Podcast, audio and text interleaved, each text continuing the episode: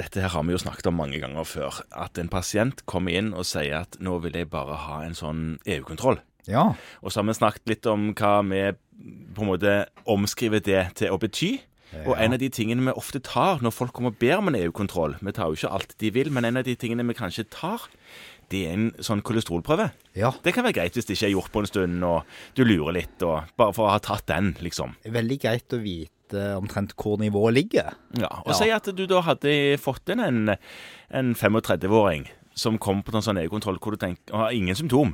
Ingen plager i Nei. det hele tatt, men eh, han bare lurer. Så her tenker du at her er det jo Vi får sjekke blodtrykk, og vi får sjekke litt grann, sånn forskjellige ting, og hemoglobin og kolesterol. Og så får du tilbake prøvesvaret, og så er det kolesterolet. Si at det kolesterolet kanskje var Si det var 7,8, da. Tenker du at det, Ja. oi, det var Det var drygt. ja, Ja. ja. det var for høyt, så dette må vi få behandla.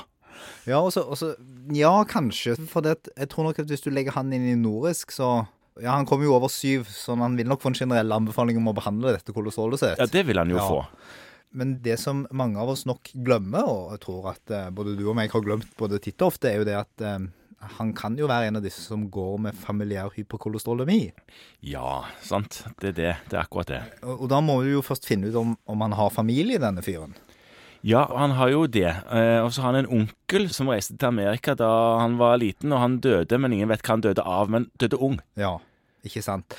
Og for det, nå er vi litt inne på dette med familiær hyperkolesterolemi, som jo er en genetisk tilstand der det er en ganske høy grad av arvelighet. Og der finnes noen ganske enkle gentester du kan ta. Men kan du ikke bare behandle det, og så får du det ned på eh, litt lavere, og så var det greit med det?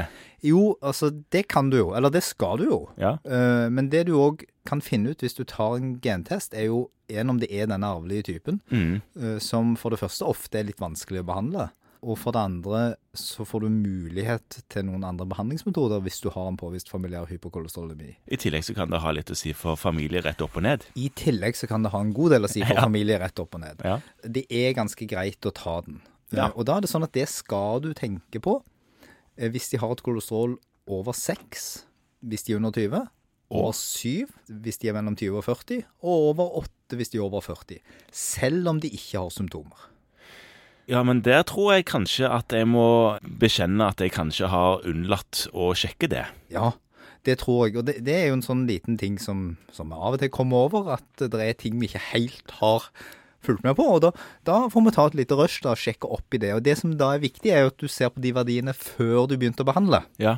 For som oftest er du jo såpass våken, Morten, at du har jo behandla disse. Ja, det har jeg jo alltid Ja, gjort. Med mindre de er veldig, veldig negative til det selv. Jo, jo, og det fins jo òg, men det er en Ja. annen diskusjon. Ja, Så da må du gå tilbake i journalen og kikke på hva hadde de egentlig før vi begynte her. Ja. Det er det ene. Og så er det sånn at nå finnes det en veldig god nettressurs for dette. Da kan man sjekke etter noe som heter Nasjonalt kompetansesenter for hyperkolesterolemi. For familiær hyperkolesterolemi. For familiær hyperkolesterolemi, det, det er noe som driftes av Universitetet i Oslo, eller Oslo universitetssykehus, rettere.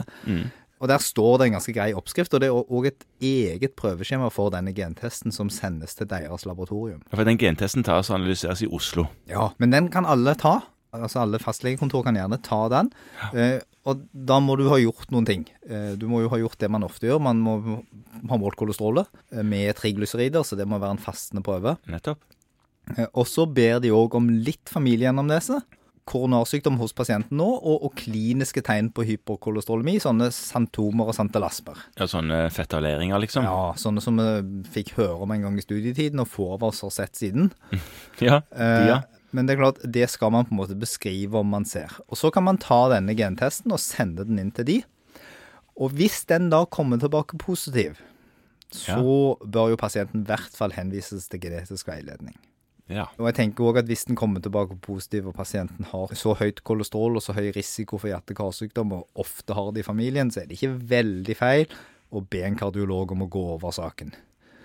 Det er klart at mange av disse vil jo av naturlige årsaker ikke på en måte presentere seg for fastlegekontoret før de nærmer seg eh, sin beste alder, altså sånn mellom 40 og 50.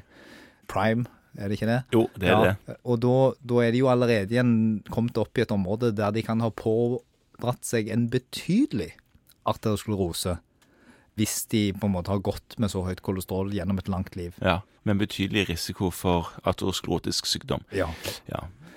Ta den gentesten, send den til Oslo hvis du på en måte har indikasjon for dette. Du kan òg gjøre det selv om pasienten har et normalt kolesterol. Hvis familieanamnesen bærer preg av en voldsom overhyppighet av hjerte-karsykdom. Ja, ikke sant? Fordi det går an å ha en FH-mutasjon, selv om kolesterolet tilsynelatende er ganske normalt. Mm. Det vil si, det, det er jo sjelden under to, men, men det er kanskje lavere enn de grensene vi før skisserte på seks, syv og åtte, Ja. henholdsvis. Ja. OK, så tenk, tenk nå på dette her hvis du får en eh, høy kolesterol. Ikke bare tenk på å behandle det kolesterolet, men ha i bakhodet dette her med familiær hyperkolesterolemi. Absolutt. Ja.